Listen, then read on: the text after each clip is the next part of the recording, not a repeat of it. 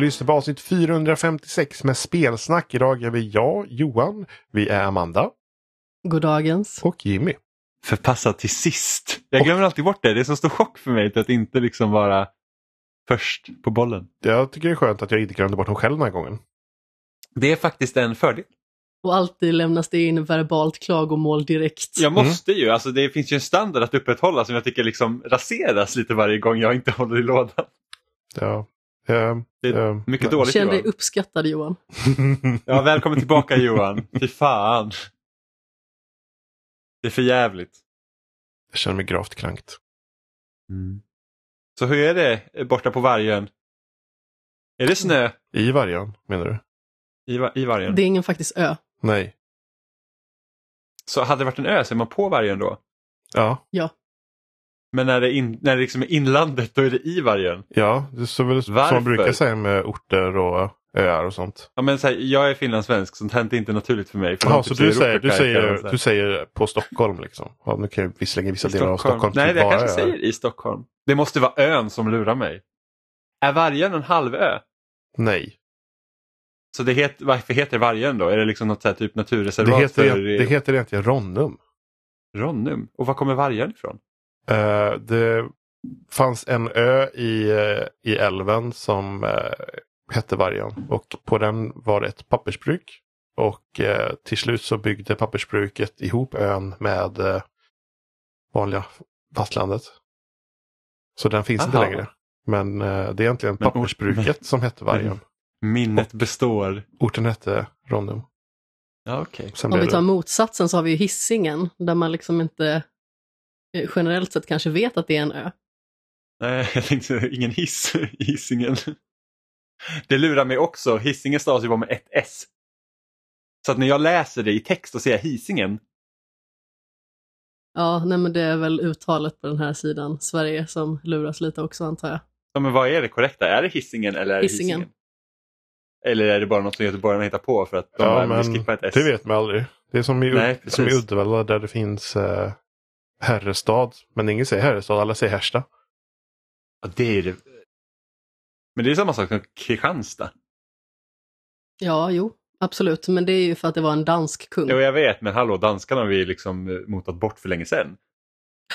Får liksom get with the times, Kristianstad. Ja, men det finns ju många sådana exempel på där det är dialektalt, till Jo. exempel Lidköping, Lidköping. Vem säger Lidköping? De som bor där. Aldrig hört Eller så Speciellt- säger de bara Lish. Speciellt de Lish. som kör A-traktor. Lish. Ja, De men säger man, det. ja, vart bor du? Jag bor i Lish. Alltså, vad, vad, försöker, vad försöker du med? Vad är det för fancy sätt att säga Lidköping? Nej, men även alltså, Mariestad, Marsta. Nej, Märsta Nej. ligger norr om Stockholm. Marsta, inte. Märsta. Men det var likt. Är det, nej, säger någon det? Ja, ja, absolut. Ja, Amanda. Nej, inte jag. Du vet ju hur ordningsam jag är.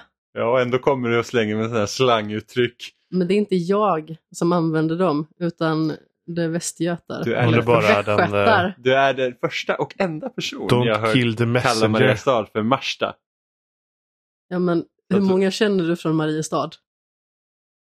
Oklart. Jag kanske känner någon från Mariestad. Jag känner ganska så många. Mm. Jag känner en från Mariestad. Och du är den enda som säger Hör- Marsta. hörde Nej, jag är den det. enda som inte gör det tror jag. Du sa det precis. Så att jag vet ju inte riktigt här. Vad, vad försöker du? Kommer här med så här västgötiska slang. Jag försöker ingenting. Jag vill bara förmedla hur många Osanning. i det här landskapet pratar. Väldigt märkligt i alla fall. Finns det inte någon annan ort vi brukar åka förbi när vi åker upp till eh, Stockholm som också har något så här väldigt konstigt namn som man inte uttalar som det står? Hällekis kanske. Ja, Där tänker man ju att det är Hällekis. jag tänker nog Hällekis faktiskt. Du vet kisen? Nej, jag vet inte jo, kisen. kisen. Ja, kom kisen. Apropå så här konstiga uttryck. Alltså på 90-talet var det väldigt vanligt att man kallade folk för så här pysen. Var det- det verkligen Var det vanligt? just på 90-talet som det låter som en äldre sak? Det låter mer som 70-tal. Om ens, Jag, vet, ja. alltså jag förknippar med 90-talet bara för att vi hade en bekant som kallades just pysen. Ja, men det hör vi också. Jaså? Eller ja, hade, han är död. Jaha, okej. 90-tal. Om Men, han är född på eh, 90-talet. nej. Sen har vi hela liksom, så här, Det gjorde han arbetarkulturen säkert, jag kände honom inte då. arbetarkulturen med att kalla folk alla möjliga knepiga smeknamn. Ja, men det känns ju som en så här tydlig eh, grej i småstadshålor också, att ha så här riktiga jävla skumma smeknamn typ. Töreboda har ju de här klassiska pricken och näsbjörn. Vänta, va? Vadå Töreboda, prickar och näsbjörn? Jag har ingen aning om vad det är. Jag har för mig att det är två stycken typ luffare. Som heter eh, Pricken och Vad kallas det? som är fortfarande aktiva. Fortfarande aktiva i sitt lufferi. ja, men man vet alltså, alltså det kan ju vara så här, typ för 20 år sedan så fanns de och nu är de döda. Eller jag vet inte. Eller då kanske så här, ja, jag fick ett jobb. Och, Jag hörde någonting om näsbjörn för några år sedan som senast. Ja, okej. Alltså, Ja, Men alltså- kommer jag ihåg en som uh, hette någonstans hemma kring. Var det blyröva? Blyrava, ja precis. Blyrava. Blyröva, det låter inte så trevligt. Uh, Man har Olle en på väldigt stark Tegen. rumpa då med andra ord. Eller det som heter Skutt också? Ja, men alltså i Blekinge finns det också sådana roliga, typ, eh, eh, vad är det nu igen? Gunnar i grustaget och Janne på Gulf, Farsan, Lennart i Kröken. farsan kallas Börje Smörj också. Bilmekaniker. Ja, Jag tror Sto- Såklart. Stockholm så här på... Alltså, det fanns mycket sånt i Stockholm tror jag också, så här, mitten av 1900-talet. Och även tidigare liksom. Med lite så här, typ slumområden och sånt i, inne i centrum. Men det, vi ska inte prata om ortsnamn och sådana här grejer egentligen. Nu, Har ni haft något så här absurt smeknamn eller öknamn? Jag kallas för Äpplet. På grund av mitt efternamn.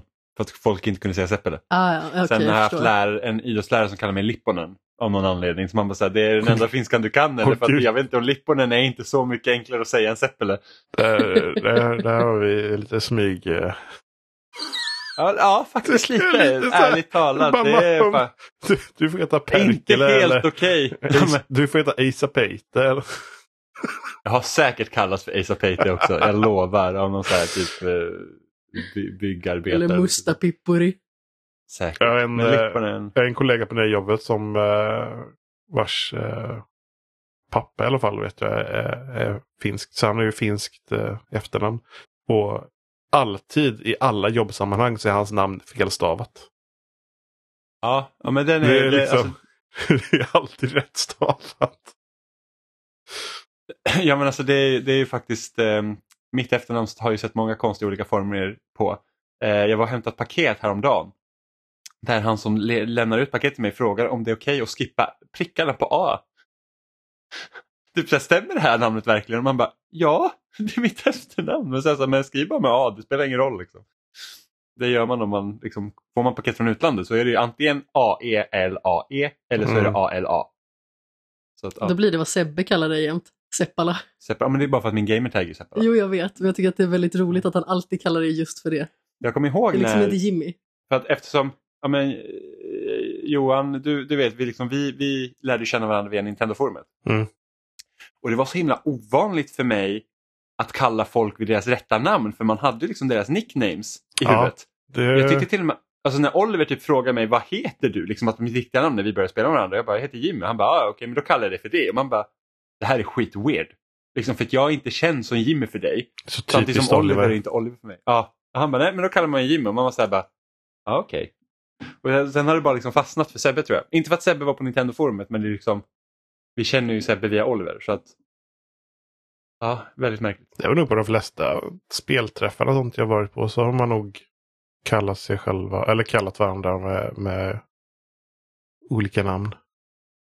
Ja, men alltså när jag var på Retroresan Meetup senast så var det faktiskt någon som frågade mig, hade du tidigt liksom något spelsmeknamn liksom i den här svängen? Och det hade ju inte jag. Jag kom ju in lite senare i det hela och typ från Retroresan-tiden så var det ju många som kändes vid sina smeknamn. Alltså typ Mr. Biscuit till exempel. Och dylikt. Jag tycker att det är jättegulligt för övrigt. Um, men jag har ju liksom aldrig haft något sånt, utan det är ju först när jag skaffade min Playstation 4 som eh, jag skaffade en ny inloggning och eh, döpte mig till Kapten Sten. Och sen så började jag använda det på sociala medier också och döpte om mig där. Eh, innan hette jag The Chubby Funster. så. Ja, det är faktiskt... Jag är ändå glad att jag började nicka mitt, mitt efternamn eh, än något annat. För att man kan ju inte säga så här att man har haft de bästa namnen liksom innan. Jag tror det var... Jag, hade, alltså jag var ju väldigt så här Dragon Ball-frälst en, en, en, stor bit så jag försökte alltid ha en liksom så här Dragon Ball nickname och det hade varit lite jobbigt att ha det liksom så här, som standard idag. Liksom. Mm. Även om en av mina... Så här, Super Saiyan Seppele. Ja, även om en av mina, liksom, min egentligen skräpmail där liksom jag får all reklam och allting sånt jag inte gör all min online shopping med är kopplat till Dragon Ball. Så det är alltid lite pinsamt när man frågar liksom så här. Så när jag började det nya jobbet och min Facebook är kopplad till den mailen och så bara oj vi måste ha din riktiga mail för att du måste få tillgång till våra Facebook-konton. Och det var så här bara är det okej okay om jag skriver det här till dig så slipper jag säga det? Du vet du kan Eh. byta e-postadress kopplat till Facebook-kontot? Jo men jag vill inte ha Facebook-mail på min, eh, liksom, min privata mail. Ah, okay. Det är ju det som är problemet, att jag liksom vill jag, jag försöker hålla den andra mailen så ren som möjligt. Och du, du kan även välja på. Facebook att du inte ska få några, få några notiser via mail. Jo, men det... sen jag hör bara, jag hör bara ursäkter. Jag vet, men sen så börjar man bara få massa Inga annat, lösningar. annat skräp. Ja. Så att, eh, Det här med namn också. Jag vet att ni pratade lite om Gabriel i ett annat avsnitt. ja, Eh, och han hade ju det mest episka namnet någonsin. Godmorgon hen önskas te. jag vet. Det är Och- fantastiskt. Jag vet, och, så, så här, och det stavas i ett ord också och sen så alla förkortar det till GMHOT. Ja, och det hade han till och med sen på, jag tror det var NF3 framåt, så hade han det. Förkortningen Ja. som namn. Precis, så Gud, det, är ju- Underbart. det finns jättemånga så här, Big Red Button, eh, vad hade vi mer för Tubba Blubba, kändis. Skomakaren. Eh, eh, Kapux med X. Eh, skomakaren, ja det var också ett väldigt bra nick. Jag tycker ju väldigt mycket om eh, på loading eh, namnet Avgrundsvrål. Ja, och han har ju haft det för evigt. Alltså i, liksom. sen urminnes tider. Ja. Jag tror att han var med i Retroresan-svängen också Är, faktiskt. är det Ja, men här våra arbetarsmeknamn liksom? Fast vi väljer dem själva istället.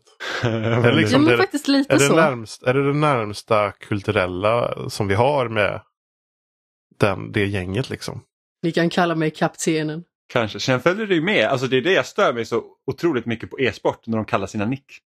Alltså det är liksom så att här, här är liksom och nu kommer jag inte på något e-sportsnamn men liksom det är typ så här Dragon Slayer XX13 liksom. Man bara bäst på det här spelet. Det bara, blir, alltså, det, blir lite, det blir lite bakvänt bara för att Ja, den typen av smeknamn förr då. Eh, då var det att all, andra kom på dem till dig.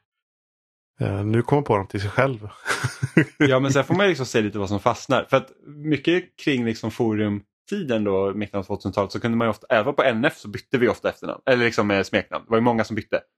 Så kunde man skapa sin nya identitet om man så ville. Jo men alltså sådana här smeknamnskulturer finns ju liksom överallt. Alltså i bowlingen så är det ganska så stort också liksom att man hör det skrikas på banorna att eh, det är Dallas och det är Kiwi. Wow.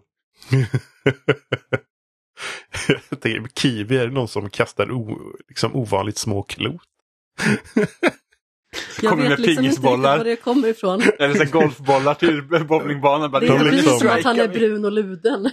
De studsar var lite jävligt- för mycket. Alltså det låter ju verkligen som en sån här typ premiss till en anime. En sån här bob- eller manga, typ så här bowlingmanga. Så bara, ah, och då har den här jävla superkillen så kommer de här minibollarna och bara och sen så blir det värsta sekvensen bara för att slå en strike.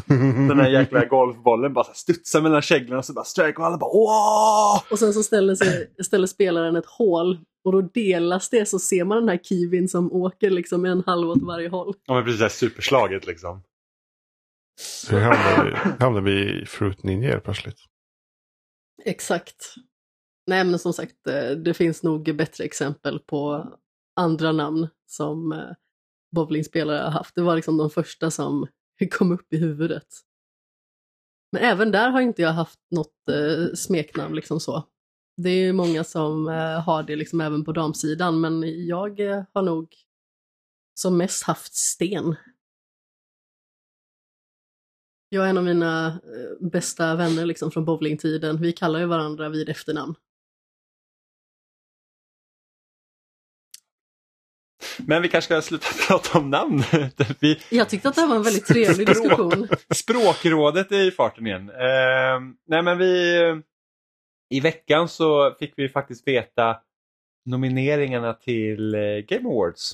Eh, som går av stapeln 8 december tror jag. Och eh, man kan ju tänka så här att det här året så har det varit, alltså, okej, okay, och de som varit med och lyssnat många år här de vet att vi ofta klagar på Game Awards så vi, det kommer inte riktigt direkt ändras i år heller.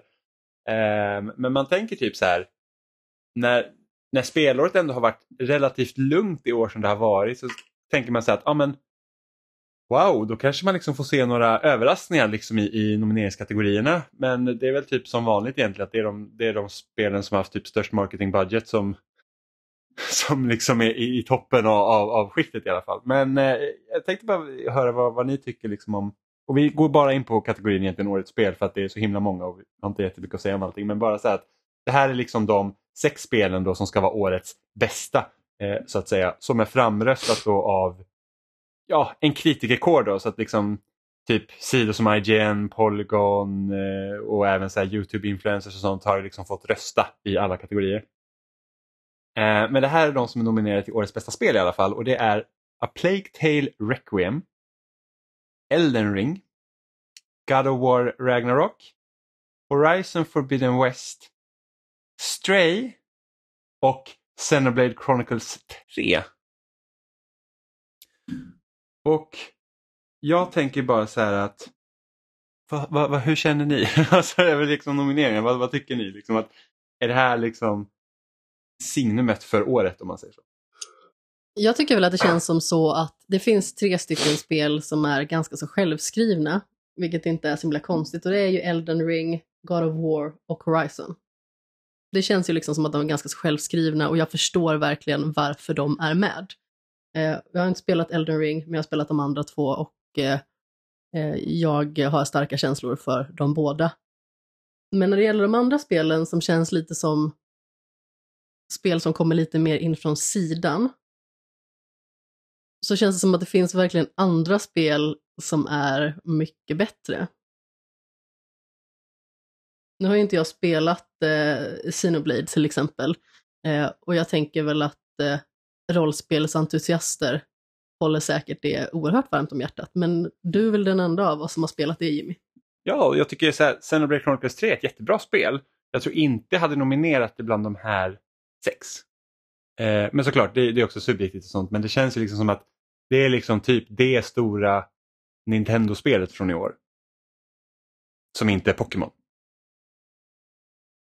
Som känns lite som att det kvalar in men jag tycker ändå att det är så här att för jag såg liksom lite kommentarer kring liksom de olika eh, nomineringarna och sånt och så såg jag någon som var så att ah, visst man kan kritisera dem att mitt spel inte är med på listan och bla bla bla men liksom man ska se Game Awards mer som en så att vi firar spelåret som varit. Och det är så att fine, det är en ganska bra hållning att ha. Liksom, att det är egentligen bara så att ja, men det här är liksom några titlar som man kan hålla koll på som har släppts under året och gud vad kul det är. Men jag känner väl lite att det är lite smalt överlag om man ska ha liksom så här, det här är liksom spelåret och sen så är det typ ett väldigt fåtal liksom titlar som är nominerade genom hela liksom de här typ 30 kategorierna. Eh, vad det är. Eh, och jag, jag, känner lite så här att om det är det här liksom som är då the cream of the crop av de här sex så känner jag liksom att jag tror att spelmedia överlag måste kanske bredda sina vyer och spela lite fler olika spel. Eh... Ja, men det känns ju som att det här är spelen som har fått mest uppmärksamhet rent medialt. Ja, eh, där kan vi känna att eh, A Plague Tale är väl kanske det liksom egentligen som ligger lite så här åt sidan på det sättet att det liksom så att det fick Visst, det kom på Game Pass och det gör att flera kunde spela det, men det är också så att det är väl det jag känner att det är väl det som har synts minst av dessa spel. Eh, men att Stray ligger här, det känns som att det känns verkligen som att det, åh, det fick så mycket PR så det är många som har spelat det. För att om man liksom ska ta någonting av de mindre, alltså ett indiespel in hit, då är det liksom, tycker jag att det finns betydligt fler som har varit liksom hyllade mycket mer av en kritikerkår än vad än vad Stray har varit. För, ja, utan Stray... att vara elak mot Stray så känns det ju lite som ett spel som det syntes mycket och det var absolut gulligt men det gjorde liksom inte så jättemycket personligen. Nej, alltså, och, och sen så tycker jag typ så här att när man tittar på liksom olika indiespel som har liksom varit som har släppts under året som har fått liksom väldigt bra kritik så att jag, är väldigt, jag var helt säker på att Immortality skulle finnas nominerad till årets spel. Ehm, även Norco var också ganska hyllat när det kom men det har också bara släppts på PC. Det ska komma till konsolen i slutet av november tror jag. Ehm, och det, är liksom, det lyser också med sin frånvaro. Olly Olly World var en sån här tidig eh, spel som du tyckte också var så här, också hade kunnat plattas in Magiskt här, det var så spel, verkligen. Verkligen jätte, jättebra. Ehm, Det är liksom spelglädje förpackat i en väldigt mysig eh, förpackning. Ja, så jag tycker det är lite synd. Sen så här personligen så tror jag jag bara hade haft Ellen of War med, alltså kvar av de här sex. Om jag hade liksom fått nominera själv. Men det är bara jag. Det som jag tycker är lite lustigt också det är ju att vi har Stray till exempel. Som dessutom är nominerat för bästa indie. Och då måste ju det rent hypotetiskt vinna bästa indie. Om det ska finnas någon logik till det här. Det är ju samma sak som när Parasite var nominerat för bästa film på Oscarsgalan, men också bästa utländska film. Då borde den ju liksom vinna per automatik. Ja, sen så går det också in på jag tror 90% kritiker som gäller och sen 10% tar man från röstningen. Men ja. Och det är ju väldigt svagt uppdelat. Jo, men alltså, jag vet inte om jag ens hade velat haft med att, att personer kan gå in och rösta som de vill för att då är det ju verkligen bara de spelen som har spelats av flest som vinner. Jo, men det känns liksom som att okej, vi måste ha med utomstående röster så vi tar med den här lilla klicken. Det känns som att de kanske borde ha tänkt lite mer då att okej, antingen så väljer vi att det bara är kritikerna som får bestämma. Eller så kör vi 50-50. Mm. Jag tycker egentligen galan, liksom att spelmedias eh, borde liksom fokusera mest på men jag tycker också det är lite så synd att det, det är så smalt ändå. Av liksom av vad, vad folk spelar. Sen vet jag att det släpps ju väldigt mycket spel och hur ska man hinna med allting och det är ju typ så att ah, men vi kan inte fokusera på spel X och Y för att de tar inte in tillräckligt mycket pengar för att det är ingen som klickar på de artiklarna och lite så. Så att det, det är klart, det det är en balansgång men jag tycker ändå ska man liksom säga att ja, vi firar spelåret och tycker ändå att då, då hade det varit kul liksom att se lite mer oväntade grejer och kanske liksom så här spel som man inte har tänkt på. För det är typ en av de grejerna jag gillar med Oscarsgalan. Och visst, Oscarsgalan är inte perfekt, det är inte det jag säger. Men liksom, för någon som inte liksom har superkoll på film eh, men tycker om att titta på Oscar så där så bara, ja men här är de tio eh, filmerna som är nominerade för bästa alltså som best, best picture. Liksom. Och då bara, oh, här är tio filmer som är, vissa av de här har jag inte hört talas om. Och då ska jag titta på dem. Det tycker jag är skitkul. Och jag hade liksom egentligen velat se lite samma sak över spel. Liksom, att det är så här att ja, men det finns folk som gräver lite mer djupare och kan hitta eh, guldkornen. Eh, men som sagt, sen en sak till som också hade hjälpt liksom att kunna då, jag vet inte om man ska säga så här, legitimisera eh, legitimera kanske man säger. Nej, säger man? Legitimisera? Ja, jag vet inte. Ni förstår vad jag menar. Eh, de här titlarna, det är att jag hade gärna velat se typ en Alltså varför är det här spelet nominerat? Liksom text, så här, bara, okej men typ Stray visar det här, det här, det här och därför så väljer vi att det här är ett av de bästa spelen.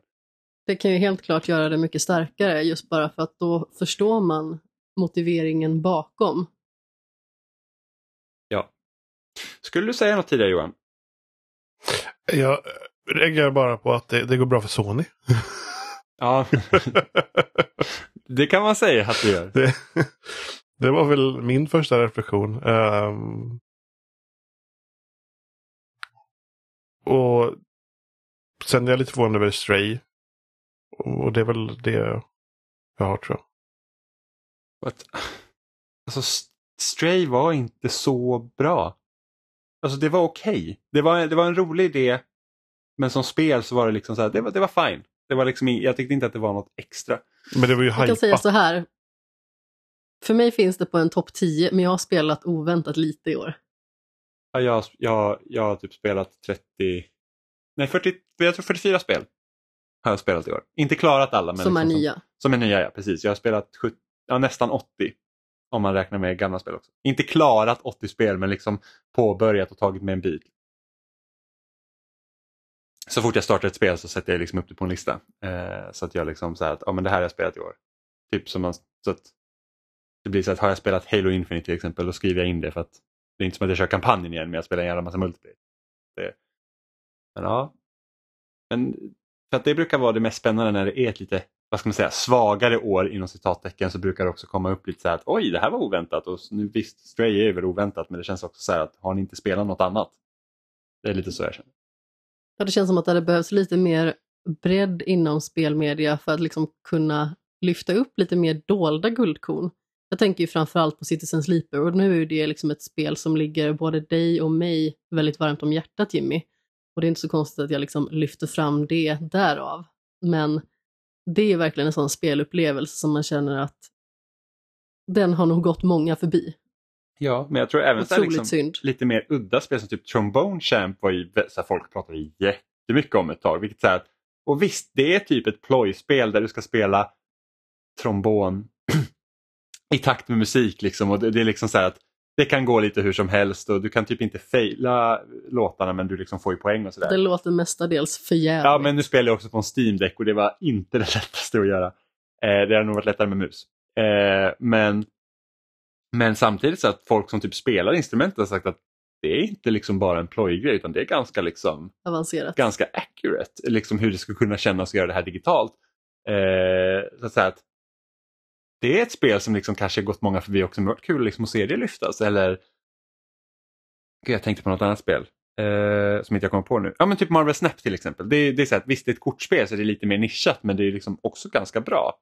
Eh, så att, Jag skulle nog säga att du tycker att det är mer än ganska bra. Okej, jag tycker att det är jättebra. Jag kanske aldrig liksom kunde nominera det till ett av årets bästa spel, såklart. Men jag, jag kan tänka mig att, liksom att jag är inte så invan på kortspelsspel på det sättet. Jag tänker att om någon säger liksom att om jag spelar Hearthstone i typ eh, 3000 timmar och jag typ drömmer om Magic på nätterna liksom, kanske har liksom mer koll på att okej men här brister Marvel Snap och sånt. Men för mig som inte är så liksom van i den sortens spel tycker jag att det är liksom så att wow, det är typ perfekt nästan liksom, i, i, i hur enkelt det är att ta upp och spela och liksom bara kunna dra av några partier liksom, på 10 minuter. Eh, eller 40 minuter på dass, Jimmy. Ja, det händer. Det är så här, ah, men jag behöver bara spela två game till så kan jag klara den här challengen. Det, jag, är- jag är lite beroende. Ja, det kan man lugnt säga. Flera gånger som eh, vi har skulle åka någonstans och, då jag, och jag har varit den som har kört. Eh, och sen så är jag på väg att gå ur bilen och Jimmy sitter kvar. Jag bara så här, sitter du och spelar Marvel Snap nu? Ja, jag ska bara spela klart. Ja, men det är Så man liksom står där och ser dum Alltså ut. matchen tar till tre minuter, man hinner dra några partier från vägen eh, härifrån till ICA. Liksom. Det, det är perfekt.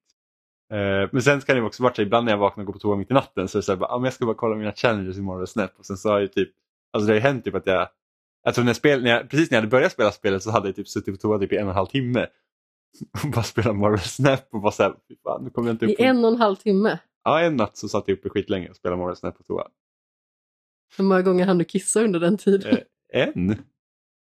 Ja, bara- precis, man det- sitter på toa. Det rann lite Bara så, hela oj, jag blev tiden. lite kissnödig igen. Ja, men precis. Man, man, man, så här, man går in på toan med en cola i handen bara för att ja, men, this is gonna take a while.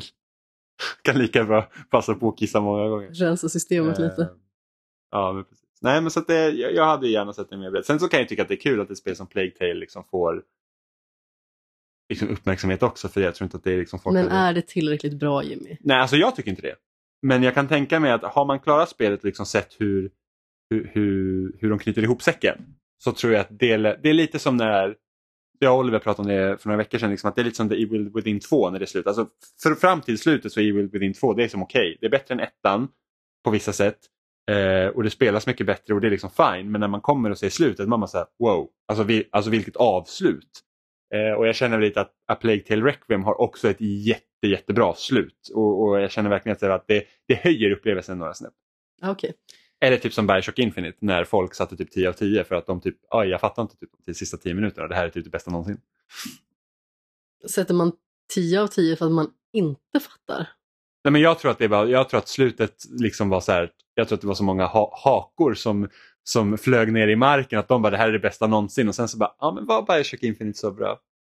Ja, det var det. Nej det var det inte. Det är kanske inte 10 av 10 bra, men det är ett fantastiskt Alltså, spel, här- tycker jag personligen. Men jag var också en sån person som satt och kollade in i en svart skärm efter eftertexten och bara så här, vad var det här ens? Jag, alltså, jag, jag tyckte också om Bioshock Infinite men alltså, som, alltså, typ spelmässigt så är det, tycker jag det är rätt så svagt och sen så Vi kan ju också säga att det här var ju början när jag liksom var i uppstarten av att utforska spel mer. Och då var ju Bioshock Infinite ganska så nytt.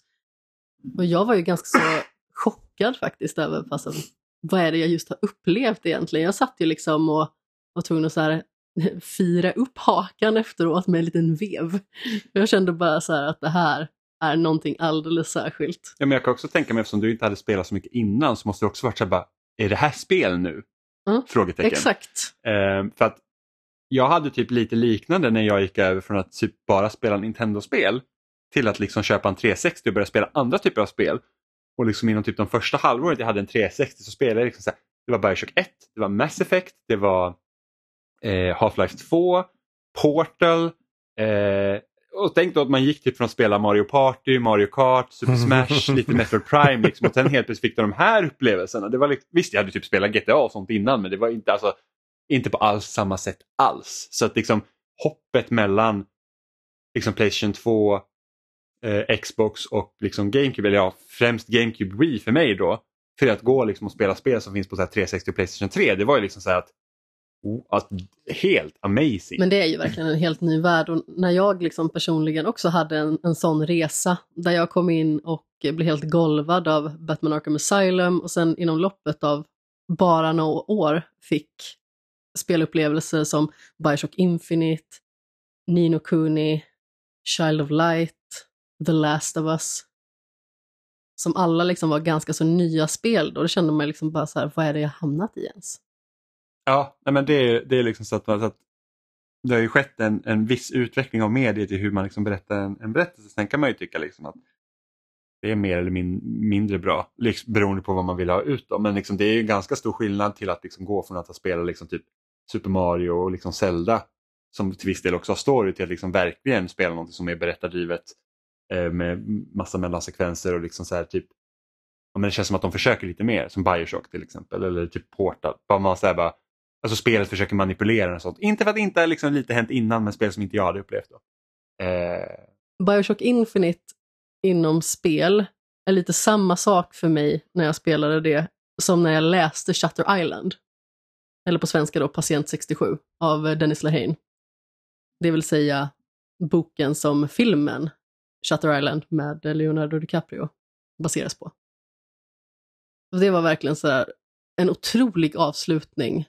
Och jag var tvungen att läsa om slutet säkert tio gånger för att ens lite granna kunna greppa om vad är det jag har läst egentligen här. Och det var väldigt fascinerande faktiskt. Hur gammal kan jag ha varit då? Så här, 12-13, så vad hade man för erfarenhet? Jag började läsa ganska så tunga böcker rätt så tidigt. Men det var verkligen en så här slående upplevelse i bokväg. Och jag vet att eh, många liksom håller den filmen väldigt högt. Men för egen del så den kan inte mäta sig med boken. Jag vet att det låter så himla drygt och så här spänt på något sätt att säga så. Men eh, den boken är en av mina absoluta favoritböcker någonsin.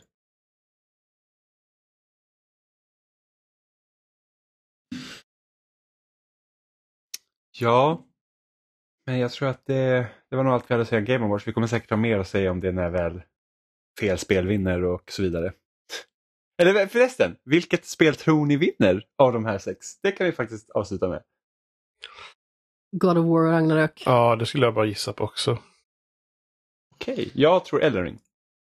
Ja, det är Ah. lite svårt mellan de två för att de är ju ganska så olika men båda har ett väldigt stort följe. Jag Tänk- tror inte någon av de andra fyra har en chans. Tänker man så här stora massan så tror jag liksom Ragnarök. Sen så tror jag att de som har gett sig på Elden Ring och liksom gillade, de, de är nog färre.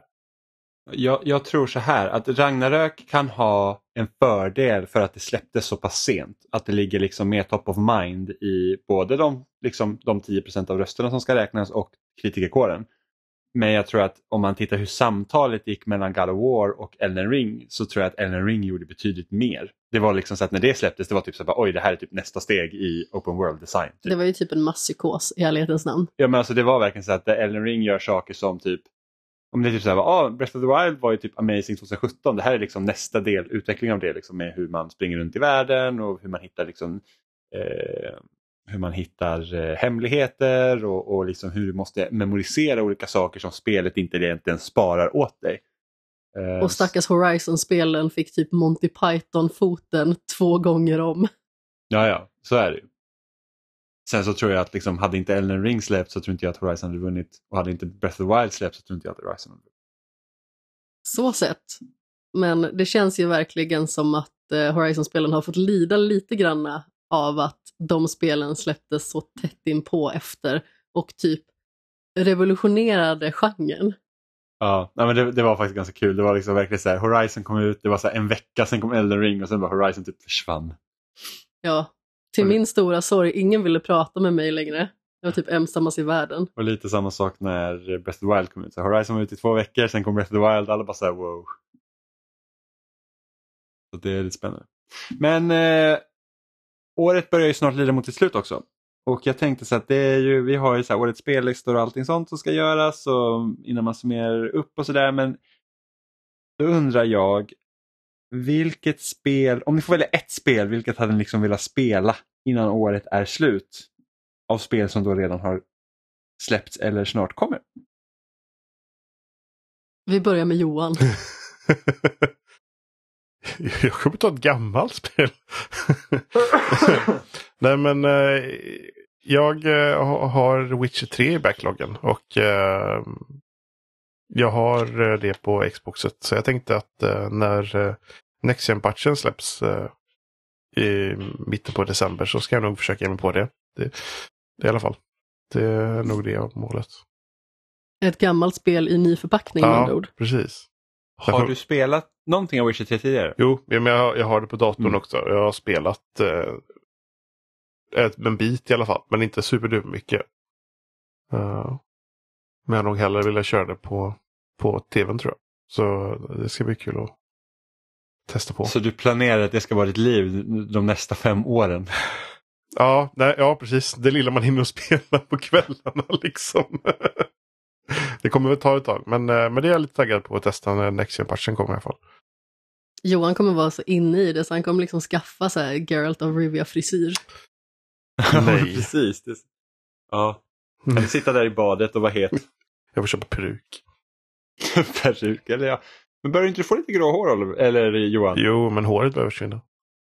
Ja, det är sant. Jag gillar att du tänkte på Oliver Jag när vet, du pratade om jag, gråa det var hår. bara för att vi nämnde gråa hår igår och så sa jag att Oliver har ju grått hår. Eh, inte helt grått. Vi pratade om att min pappa blev gråhårig ganska så tidigt. Ja, Jag tror jag har haft, Ja. jag tror jag haft grå hår i snart, eh, snart tio år. Tror jag. Jag vet ju inte om jag har några gråa hår i och med att mitt hår är lila. Jag, har, jag hittade gråa skäggstrån för några månader sedan. I mitt, eh, i mitt inte så eh, imponerande skägg. Jag råkade också ta för kort, liksom jag skulle trimma till skägget så råkade jag också ta för kort eh, eh, inställning på bladen. Så då såg man hur gles skäggväxt jag så, åh egentligen vad har. lång min hals är. Ja, men det var, nej, men det var som man bara så här, oj det här var inte, li- för att jag har inte varit, nu har jag tror jag gått med skägg i typ tio år, nästan. Och inte, Åtta. och inte för att jag har liksom så här jättemass, det är inte som ditt skägg Johan, som liksom så här, det, det är typ en så här riktig så här Det är skog. solitt. Ja men verkligen, det är så här, att det är ingen tvekan om att det är skägg där. Medan mig är så här, bara, ja men det är lite, det är lite fläckigt om man så vill. Eh, och, och så när man liksom så här rakar lite för kort och man bara ser fan kala fläckar på kinderna liksom, där det vanligtvis inte brukar vara kalt. Det var lite sorgligt. Jag vill ju ha ett massivt skägg egentligen men det funkar liksom inte. riktigt. Du har ju också en liten grå tuss i håret. Ja, men det Fast har det är jag. av andra Ja, skäl. men det är av andra anledningar, det har ingenting att göra med att jag börjar bli gammal och grå. Eh, Din stora besvikelse över att den tussen inte sitter i luggen. Ja men den sitter ju helt dåligt till. Alltså varför ska den sitta liksom bak på skallen? Det är helt dumt. Förstår inte. Eh, Amanda, vad, vad vill du spela innan årets slut? Jag tycker att det här är jättesvårt. För att jag känner så här personligen att det finns många spel som kom ganska så samtidigt som jag vill bli klar med. Eh, och dels så rör det sig om till exempel eh, Mario plus Rabbids som jag fortfarande inte är klar med. Vi har ju börjat nosa lite på Pokémon, vilket vi ska prata om lite senare. Och det, det känns liksom som att många spel eh, som är ganska så stora kom ut en och samma gång och naturligtvis så vill jag ju spela klart dem. Eh, Tactics Ogre Reborn, jag tittar på dig, typ så här 50-60 timmar långt och skitsvårt. Jag tror ju inte att jag kommer bli klar med det i år. Just på grund av svårighetsgraden till exempel. Men sen så finns det så lite mindre titlar också som jag inte har börjat spela, som jag väldigt gärna ville ta mig an. Alltså dels så har vi ju Norco till exempel, som du sa skulle komma till eh, konsoler Mm. snart. Vi har Somerville, som kom alldeles nyligen. Vi har I was a teenage exocolonist, som jag hade tänkt att börja spela, men sen så kom det någonting annat. Vi har Let's Build a Zoo, som jag också ville börja spela, men Åh, inte gud, har hunnit göra. Min jävla kaninfarm där typ kaninerna multiplicerar sig typ va- va- varannan minut. Det är helt bisarrt. Ja, nej, det var mycket Det var sex mycket, där. det var mycket liggande. Alltså, det är inte barnvänligt zoo, den saken ska jag ju säga.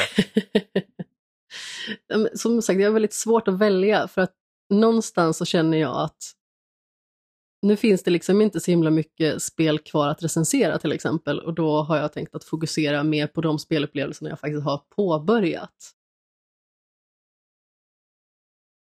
Och det är fanken lurigt alltså att avgöra så här, vilket spel vill jag verkligen spela klart. För att de fyra lite mindre spelen som jag nämnde tidigare, jag känner att det är nästan ingen mening att påbörja dem. Det är bättre att jag sparar dem till nästa år. För att det känns liksom lite orättvist mot spelen att så här, pressa in dem här i slutet bara för att få ha spelat dem. Och jag känner att jag vill gärna kunna sätta mig ner med dem ordentligt. Nu är vissa av dem säkert ganska korta, typ Norco och eh, Somerville till exempel, är inte jättestora spel, vad jag har förstått. Jag har lite svårt att välja alltså. Jag vill väldigt gärna bli klar med Mario plus Rabbids i alla fall. Det kan vi ju lugnt säga. Mm. Jag har spelat 20-25 timmar tror jag av det. Eller någonting i den stilen. Men sen så kom ju massa andra spel emellan. Och jag spelade ju Gotham Knights och Mario plus Rabbids samtidigt. Vilket ju var lite olyckligt naturligtvis. De släpptes dagarna efter varandra. Och jag skulle recensera båda. Men jag får nästan säga att det vill jag jättegärna bli klar med i alla fall. Innan året är slut. Sen vet inte jag om det är någonting annat liksom som jag vill spela. Jag får nästan eh, fnula lite till på det medan du eh, har din utläggning Jimmy. Ja, jag ligger lite i samma båt så att det var ju det kom ju väldigt mycket spel liksom där i slutet av september och, och, och liksom har egentligen körts på ända oktober och november. Och, och vi har ju Kom liksom, mycket i slutet av september. ja, det var då jag började få liksom recension. Jag fick Persona 5 Just Royal ja. som är liksom, jag fortfarande inte klar med. Det var ju det. ligger typ 45 timmar in nu på det så det är typ halvvägs. Just det, min sån här svit av många spel, den började ju typ kring den 20 oktober. Så det, det är liksom jättemycket. Så det finns några, alltså det är så här, jag vill jättegärna spela Metal Hellsinger. Jag vill jättegärna spela Scorn. Eh, jag vill jättegärna spela Somerville.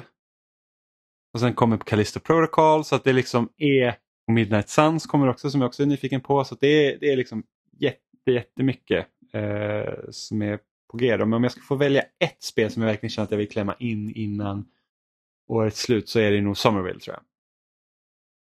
För att det, det är kort, det kan man ta mellan de andra spelen och eh, jag gillar ju Inside väldigt mycket och Somerville är ju utvecklat av en, en av medgrundarna till Playdead eh, som sedan skapar en egen studio. Så att, eh, jag är väldigt nyfiken på hur det ser ut. Med det finurliga studionamnet Jump Ship. Ja, Väldigt kul. faktiskt. Så, att det, så att det hade jag velat spela. Eh, förutom att bli klar, klar då med alla andra spel som jag har påbörjat som Persona och Mario plus Rabbids som jag spelar oförskämt lite. Eh, så har vi precis börjat på Pokémon och sen så har jag, jag är inte helt klar med Sonic Frontiers. Eh, och det hade jag gärna sett klart. Så det är en hel del. Och, och det tråkiga här tycker jag att jag fokuserar liksom tiden också på spel som inte egentligen varit jättebra heller. Som Bayonetta 3 tyckte jag inte om. Eh, Modern Warfare 2 tyckte jag inte om. Eh, nu spelade vi Gotham Knights tillsammans vilket var ju kul men det spelet var ju liksom inte så top tier direkt. Nej, definitivt inte. Men det hade ändå någonting när man spelade det tillsammans. Jo precis men det är så att det, det, det var ett ganska stort spel som tog många timmar. Liksom. Där hade man kunnat klämma in något annat till exempel. Ja, det tog säkert 25 i alla fall. Ja, ja precis. Så att, men som sagt, det var ju kul när vi spelade tillsammans, men jävlar vad monotont det. Ja, alltså om jag skulle behöva gå tillbaka och välja om jag skulle spela det själv eller kooperativt igen, så skulle jag definitivt spela det kooperativt. Ja, ja, gud ja, det är inte ens kul. jag ser liksom ingen behållning med att spela det helt själv, rakt igenom sådär. Men du valde Somerville. Ja. Men eh, då kastar jag in en liten joker i leken. Marvel Snap, säger jag då. Ja, du har haft goda chanser att spela Marvel Snap, Amanda. Men det känns ändå som att det finns liksom inget slut på det. Nej, och det Heller. är så korta matcher som man kan liksom, alltså jag spelar Marvel Snap just nu som jag spelar Threes. Det är liksom bara så här, ja ah, men nu behöver jag liksom bara ta en typ paus på fem minuter, kan man köra ett parti Marvel Snap. Mm, men så en liten del av mig vill ju sätta mig in i det här. Samtidigt så känner jag att jag vill inte att det här ska bli en grej som tar fokus från allt annat som jag vill göra. Det är lite det jag är rädd för. Men eh, jag tänker att eh, det kommer jag i alla fall kunna klämma in innan året är slut. Eh, utan att liksom känna att eh, det ger mig dåligt samvete på något sätt, hoppas jag. Men eh, vi har ju också vi har också fortsatt spela God of War den senaste veckan. För vi är ju inte klara med det riktigt än, även om i alla fall jag börjar närma mig. Eh, Oliver är klar, eh, vet jag. Eh, så hur känner du nu för... Oliver sov väl inte alls på förra Ja, men veckan. Precis, men hur känner du? Jag är dock snabbare än Oliver. Han sa att han klarade spelet på 50 timmar och jag är nu på 32. Och jag är liksom eh, vid gränsen där jag kan gå in i point of no return. Eh, men hur känner du för spelet eh, så här en vecka senare? Nu när du har kommit lite längre också. Var ska man börja egentligen? Jag tycker ju verkligen att eh, det är liksom ett eh, fenomenalt hantverk det här spelet. I jämförelse med så mycket annat som man har spelat den senaste tiden så känner man verkligen att vilken kvalitet och eh, vad mycket det känns som att det här spelet på något vis respekterar ens tid med liksom hur det är utformat. Visst, man kan göra det lättare, man kan göra det svårare och sådär och ibland kan man ju till och med bli förbannad på strider också, liksom när man känner att eh, det liksom är oväntat svårt på den nivån man spelar. Jag spelar ju liksom på normal svårighetsgraden egentligen. Men samtidigt så känner jag ju liksom att eh, just hur allting är uppbyggt kring den nordiska mytologin med hur alla karaktärer fungerar, hur de är utformade, det djup de besitter. Det är verkligen makalöst bra gjort. Det är svårt att liksom beskriva det på något annat sätt. För det är liksom så spännande egna tolkningar av allting. Det är ingenting som är snuttifierat på något vis, utan det känns liksom som att varje karaktär som är i fokus har liksom en väldigt tydlig bakgrundshistoria som man kanske liksom inte riktigt får läsa liksom en lång novell om. Men man får ändå liksom den känslan av att det finns mycket historia bakom den här karaktären. Och det känns som att skaparna liksom har tydligt satt regler för hur karaktärerna fungerar på något sätt. Och det uppskattar jag väldigt mycket. Och sen liksom hur de har knutit an Kratos och Atreus till den här mytologin också och väver samman det. Det är så otroligt tjusigt gjort verkligen. Och varenda liksom karaktär man stöter på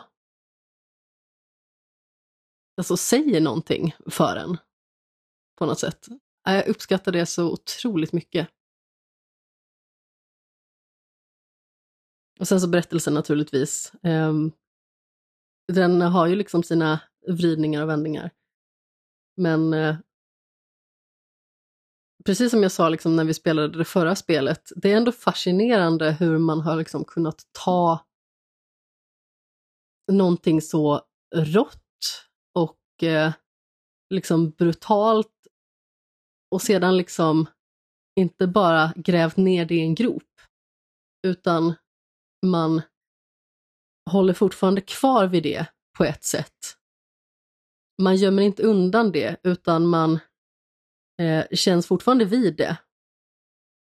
Man accepterar att det här är det förflutna för den här karaktären.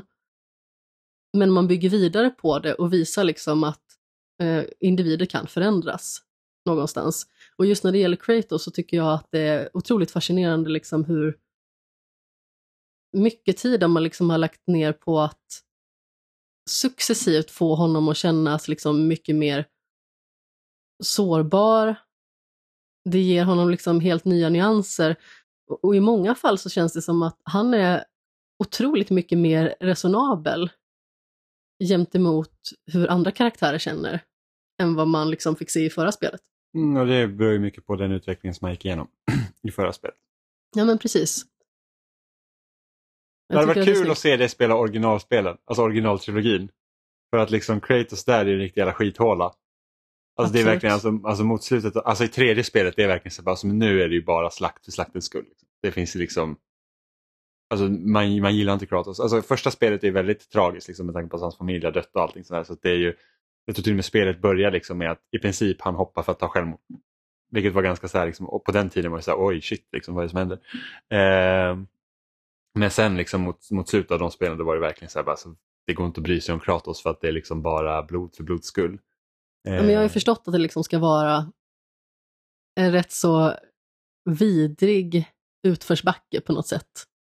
Ja, Från alltså- det det egentligen tar avstamp ifrån. Ja, alltså spelen var ju faktiskt väldigt, eh, eller fortfarande väldigt roliga att spela. Eh, men det var mycket liksom fokus på typ så här, ja men gör det så gårigt som möjligt. Och även om liksom våldet finns ju kvar såklart i de nya spelen också. Men så känns det inte liksom, det känns inte onödigt på samma sätt som det började göra i, i, de, i den tidigare trilogin. Jag tycker ju att det kan vara lite mycket ibland. Det här liksom att man ska slita skallen av folk och liksom det, det ska alltid liksom vara kroppsdelar Ja. och munnar och huvuden som bänds och så. Ibland så kan jag liksom känna att jag nästan så här ryggar tillbaka lite och rynkar näsan och Ja, pressar ner ögonbrynen liksom och Alltså- känner att det finns liksom en onödighet i det. Men samtidigt så känns det som att skaparna är väldigt medvetna om varenda steg de gör och att de ändå på något konstigt sätt gör det med väldigt mycket finess. Jo, men, men så är det. Och jag tror att mycket så att, att det övervåldet finns kvar är ju helt klart på grund av eh, seriens historia. Liksom. Ja men precis. Ja, det är man- svårt att klappa sina motståndare liksom till döds. Jo, men, men precis. Man liksom försöker fånga in det att Kratos är väldigt våldsam av sig. Eh, men det är ingenting mot hur typ, jag kommer ihåg E3-trailern till God of War Ascension och man möter en cyklop och han liksom stoppar typ yxan i ögat och bara typ snittar upp hela den och sen är det någon typ elefantmänniska där man typ tar snabeln och bara vrider den över ryggen på hela elefanten. Liksom. Och, ja, det var liksom, jag kommer ihåg när jag såg det liksom på en sån här liten kackig stream liksom på E3 och var så bara, det där är för mycket för mig. Eh, Någon måtta får det vara. Ja men alltså, det, alltså typ den här cyklopen, alltså, det såg verkligen ut som att den led. Det var liksom inte bara så att ah, ja, men vi dödar en fiende utan det är verkligen så här, nu ska vi plåga den här till döds så mycket som möjligt. Det var bara så att okej, det, nej det, det är lite för magstarkt. Då vänder det sig. Och det tycker jag det inte är liksom i de här spelen. Ehm, jag, är, jag tycker nog, alltså jag tycker fortfarande spelet är såklart väldigt, väldigt bra. Ehm, men det känns lite som att de har försökt kräma in två spel i ett. Och det har de väl i stort sett också. I, ish. Eh, jag tror att scopet på det här spelet blir mycket större efter ett tag när de sa att ah, men vi kan inte, liksom, det kan inte gå 15 år för studion för att liksom slutföra trilogin. Vilket förmodligen hade gjort. Ja men tanken var väl att det skulle vara tre spel från första början som Ja. de senare liksom det var- tryckte ihop Jag tror två. det var att det, så de planerade men det var väl liksom inte uttalat helt. Eh, och Nej det, men intentionen fanns Ja, fortfarande där. och, det blir liksom att det finns några delar i mitten där man känner liksom att spelet liksom slör till lite och man säger att okej men nu känns det som att vi liksom nu går vi nästan i cirklar här för att det är liksom bara så att okej okay, det här är målet och sen så bara oj avstickare, avstickare, avstickare. Eh, där man känner lite så att okej men kom igen nu får vi öka tempot lite. Eh, och sen så och som jag sa förra veckan också, det känns mycket som Atreus liksom så här coming of age berättelse. Men ju mer också jag spelat av det så är det så att Atreus känns kanske att det är nästan lite för mycket safe kring honom. Att det är så här att oh, vi går igenom en vanlig typ teen berättelse. Liksom Atreus känns som typ så här, ja, men han är tonåringen liksom, och då går vi igenom de här, typ, lite de här stegen. Även om det är såklart satt i den nordiska mytologin. Och där har Kratos återigen utveckling mycket mer intressant. Eh, sen så har inte jag spelat klart spelet så jag vet inte hur det här binder ihop i slutet. Så det är väl lite så här att ah, det, det är liksom där, Atreus blir nästan lite förutsägbar i sitt agerande. Eh, och sen så det är väldigt många karaktärer med i spelet och jag vet inte om alla grejer vi har fått se, liksom om man hade kunnat typ göra det på ett annat sätt för att ibland känns det som att det liksom nosar lite på filler emellanåt. Det var så okej okay, varför går vi igenom det här nu? Är det bara för att typ okej okay, vi, vi, ska förstå den här karaktärens sinnesstämning mycket bättre men kommer de göra något mer med det sen eller liksom är det bara så här, det är bara här. Eh, och jag hoppas ju nu när jag kommer mot slutet och liksom får se hur allt vävs ihop att man liksom får någon typ av revelation. Okej, okay, jag fattar liksom grejen.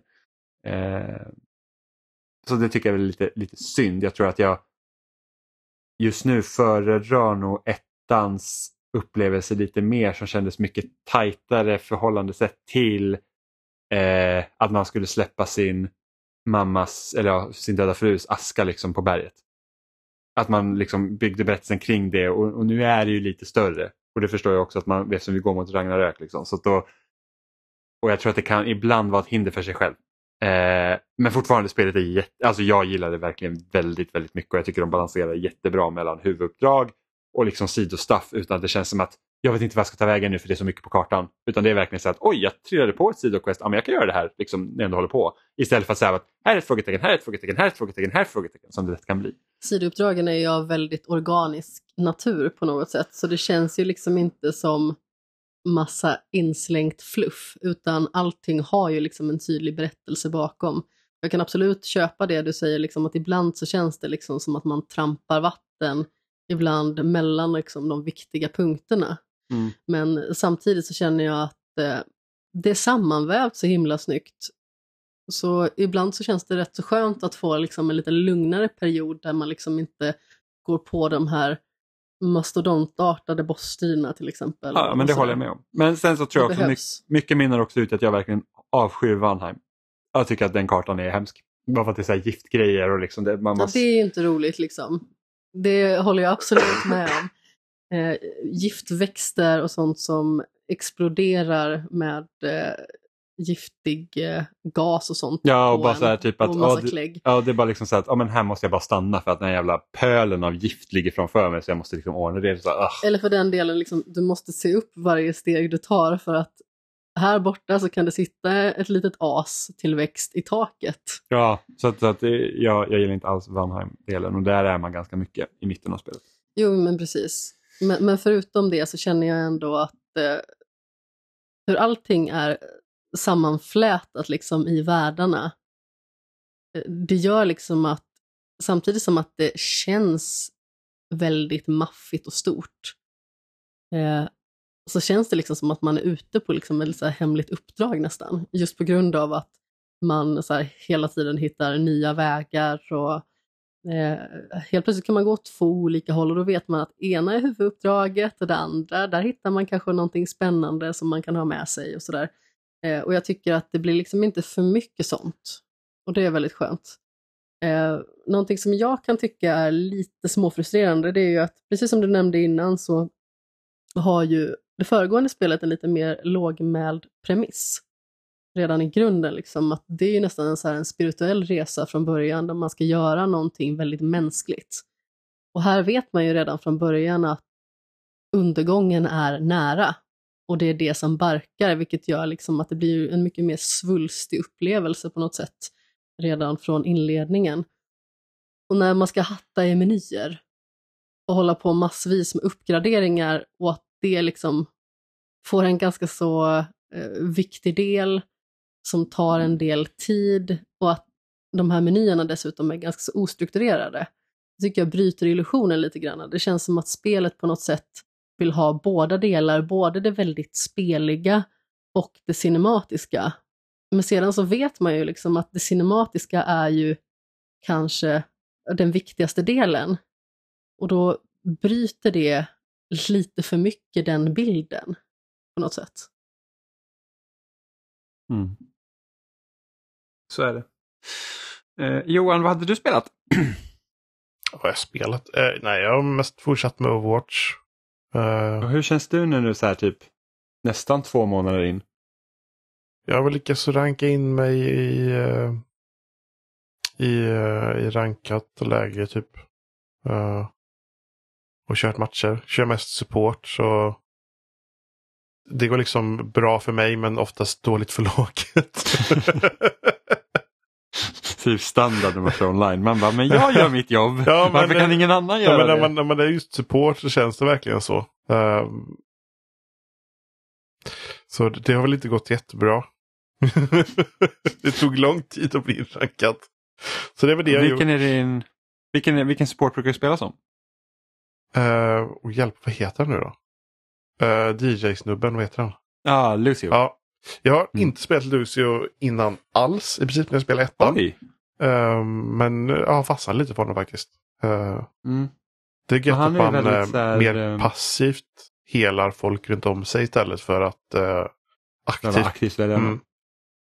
Ja, och sen kan man vara lite aggressiv också när det behövs. Liksom att man kan slå om och säga att nu ger vi så här speed boost till ja. våra, eller våra med, eh, kompanjoner och sen att man liksom kan faktiskt man kan faktiskt göra skada mm. med honom Nej, på ett det, ganska liksom, bra sätt. Det är så, rätt så kul. Mm. Mm. Jag önskar att jag hade spelat mer Overwatch 2 men det har liksom inte funnits tid och sen liksom ska man planera. Jag kan inte spela det själv. Det är liksom så att jag blir bara irriterad. Ja, eh. nej det är väl inte superduper kul. Man, jag får försöka att stänga mm. av eh, tävlingshjärnan på något sätt och bara liksom det får bli det det blir. För det var liksom, ja. jag tror det var en av orsakerna jag slutade spela Overwatch 1 var för att jag spelade mycket rankat. Uh, och jag mådde bara skit av att göra det typ. Mm. Speciellt sen när man har fått sin rank och ser ranken åka upp och ner, ja, höger och vänster. Precis, det, är, bara, uh. alltså det, det är väl inte den roligaste delen av spelet. Det roligaste är såklart att spela med folk. Mm. Ja, jag och Oliver försökte ju ganska mycket så här att återgå till Overwatch 1 ibland för att det är liksom bra spel och så men det var så att det funkar liksom inte att vi bara är två som kommunicerar i laget. Det är liksom, vi kan inte göra tillräckligt stor skillnad det, det gör, för resten om det, det, är dåligt. Antingen får man inte kommunicera alls eller så får man försöka kommunicera allihopa. ja, sätt. men precis. Sen har jag väl spelat äh, lite mobilspel. Jag har spelat äh, Diablo Immortal. Hur är det? Alltså, det är väl inte det är väl inte världens bästa spel. Det är väl ett gött så här, slöspel bara om man gillar Diablo.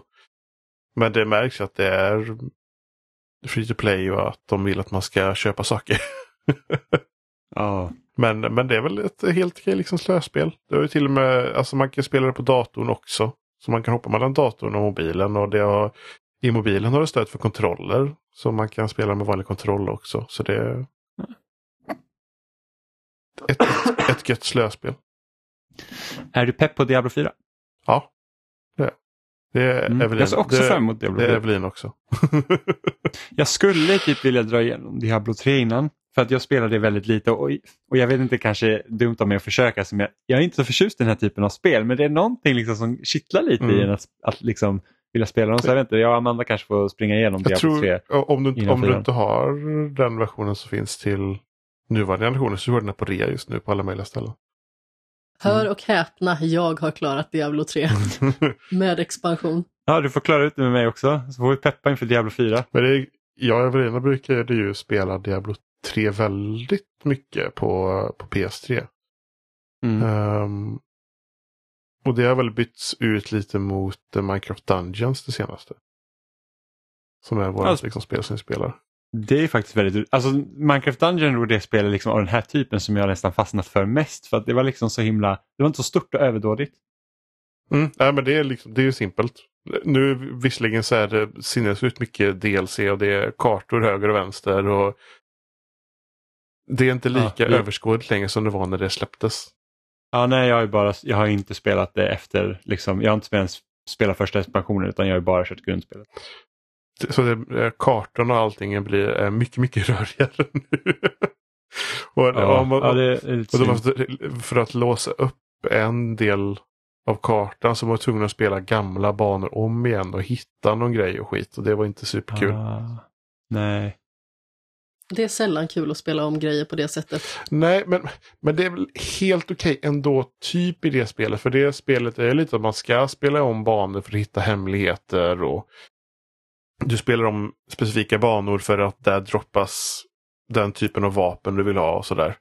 Uh, men det var ju, det var ju en, en, det var ju typ en Enderworld-del i spelet som man var tvungen att spela om banor för att få, samla sådana ögon. Ja, och sen är det tänker jag jobbigt så att när det väl kommer nytt material och man vill köra det nya Ja. så är det lite jobbigt Ja, att gå tillbaka till det liksom- gamla för att komma dit. Det, är väl det är det. lite småsurt. Eh, vi har inte hunnit spela jättemycket Pokémon. Alltså jag har typ spelat två timmar, Amanda har spelat typ en 40 minuter. Men jag tänker bara så här, för, first impressions Amanda, vad tycker du om nya Pokémon Scarlet och Violet? Jag tycker själva inramningen är väldigt charmig. Mm. Så man, man, är, man, man blir en elev på den här skolan för att typ undersöka Pokémon och typ bli Pokémon-tränare och allting sånt. Harry Pottermon. Ja, precis. Exakt. Nej men jag tycker att det är liksom väldigt mysigt så här inledningsvis. Men i vanlig, i vanlig ordning så går det ju förbannat långsamt. Va? Det tar så himla tid liksom med det här att man ska ta sig ur sitt hus, man ska få sin första Pokémon, man ska möta sin rivaliserande spelare. Det blir liksom för seg inledning och jag har liksom inte kommit så jättelångt efter den egentligen. Ja, och av någon anledning för så, att jag så, somnade i soffan. av någon anledning så hade de också satt typ så här att ah, men nu ska det gå väldigt långsamt genom de här delarna. Man måste bara, why? Va, va, vad ger det mig att kunna gå lite långsammare upp för den här trappan än liksom att man kan få springa lite så det går undan? Det är liksom inte något jätteintressant sak att se Men det, på vägen upp om man men det är en typisk sak i, i många spel. Typ, att om man har en springfunktion så får man absolut inte använda den i början av spelet.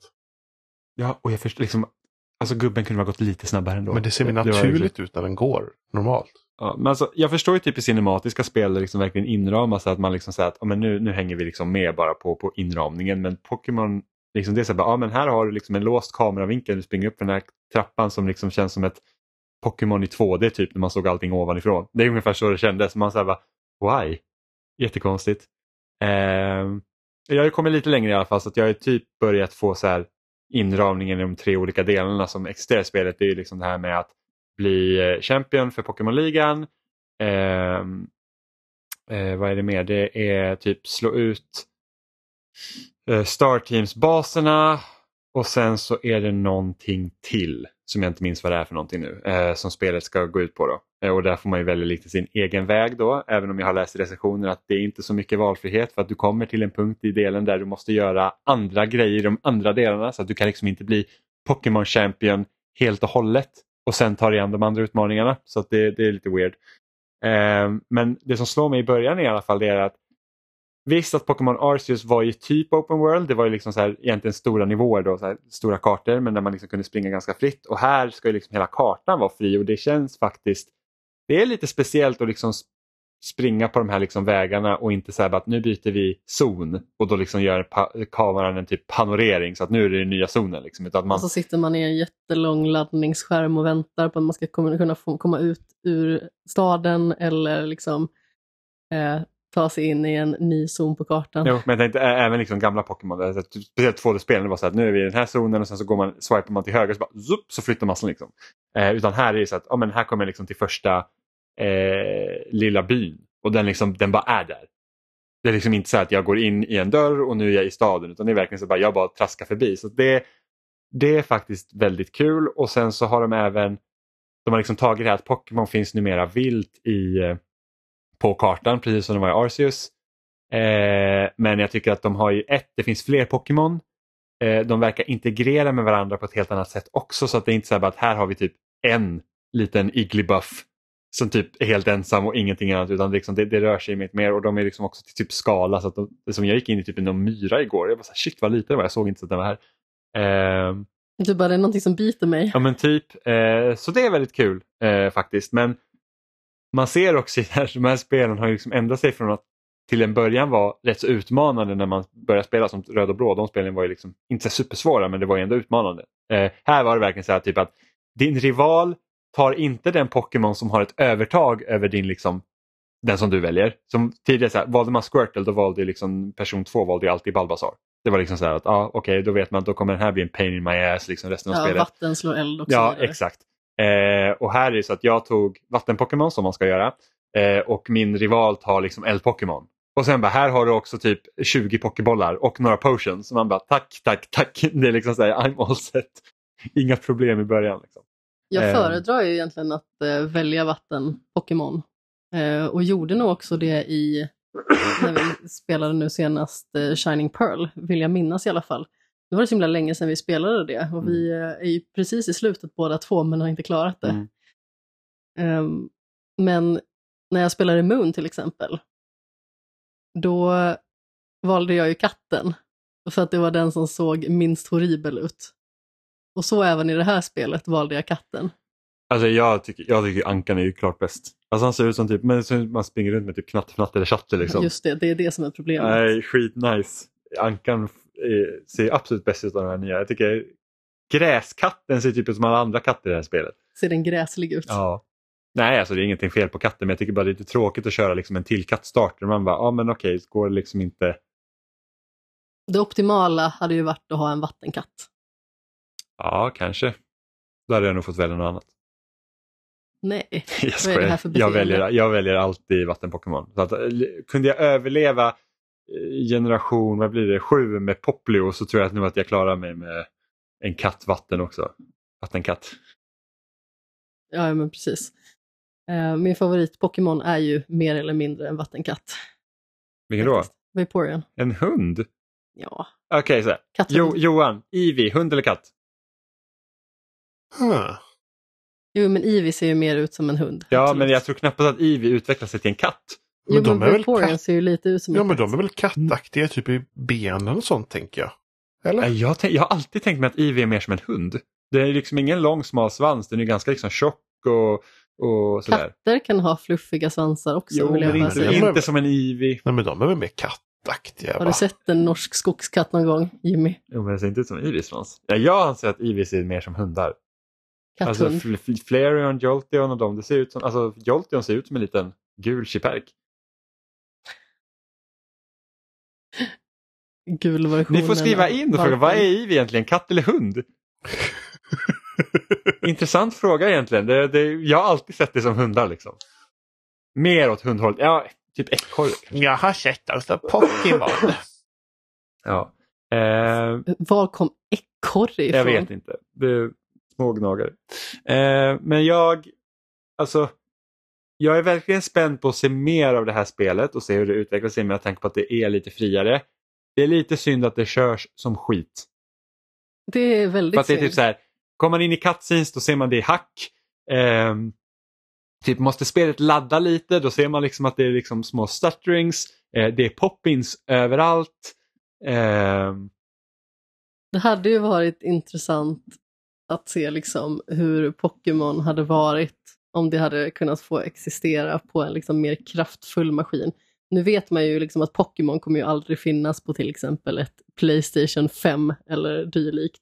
Men det hade ju varit väldigt intressant att se liksom ett så här stort rollspel där man faktiskt liksom har lite mer kraft bakom och man liksom skulle kunna göra med det rent visuellt och liksom spelmässigt. Men vadå, det handlar väl inte egentligen bara om kraft? När man har Breath of the Wild och eh, Xenoblade Chronicles och annat på Switch som ser helt jag, otroligt jag, ut. Alltså, jag liksom vet det, ärligt talat inte vad de håller på det, med. det, det är Game Freak som är... Jo, jo, de också naturligtvis. Mm, Men jag ja. hade gärna velat eh, se liksom på en eh, mer kraftfull konsol, liksom, hur liksom det hade kunnat flyta eh, ännu bättre och se ännu bättre ut. För att jag tycker ju liksom att visst, Xenoblade till exempel har ju sina snygga stunder, men det är ju mycket som jag tycker ser ganska så kackigt ut där också. Men annars så tycker jag liksom att så som Pokémon ser ut i spelet, inga problem. Jag tycker även karaktärsmodellerna ser liksom bra ut. Det är bara att miljö, miljöerna är väldigt så här typ Alltså speciellt typ man, man såg så här introfilmer och det är någon så här legendarisk Pokémon som flyger över fältet. Man bara, där ska vara en skog och det är typ tre träd. Så att det, det är väl lite synd. Min dröm är ju fortfarande liksom att man skulle kunna få ett Pokémon i typ Nino Kuni-stil. Ja, men jag tänker mig att typ den eh, alltså concept-arten eh, för originalspelen. Om man fått ett spel som ser ut åt det hållet, det hade varit fantastiskt. Eh, men ja, det ska bli kul att spela med. Jag har inte spelat tillräckligt mycket för att liksom ge någon form av uppfattning så hoppas jag bara att man inte typ tröttnar efter tredje gymmet som i vanlig ordning. Men eh, nu är vi ändå två som spelar tillsammans. Vi har inte heller kunnat testa så här, hur online-funktionaliteten och vad man kan göra tillsammans egentligen. Eh, hur det funkar. Så Men det kommer vi säkert ha hunnit göra till nästa vecka. Ja, förhoppningsvis. Inte lova för mycket. Men nu tror jag att nu är det inga större släpp nästa vecka.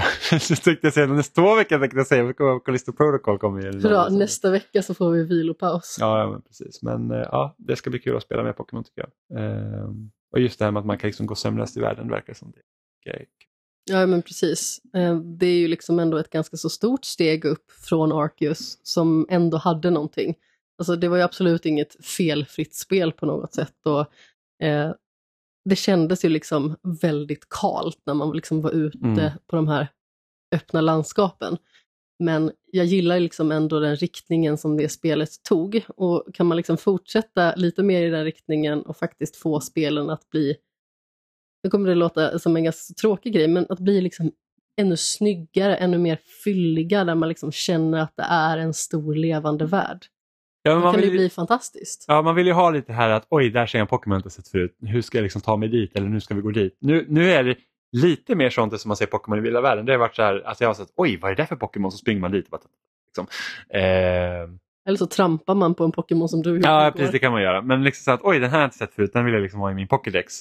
Eh... Men då hade man liksom gärna velat haft liksom en, alltså inte för att ett Pokémon ska kunna se ut som Horizon till exempel, men om vi bara ska leka med tanken att om hade Pokémon sett ut som Horizon och liksom så här, du har den här stora vegetationen, vilket ibland kan komma lite i vägen för spelet, det kanske inte så detaljerat, men liksom så att nu är vi i en stor skog, det känns som att man är en stor skog och jag ser någonting i trädet, jag ser inte riktigt vad det är, hur kan jag komma åt det?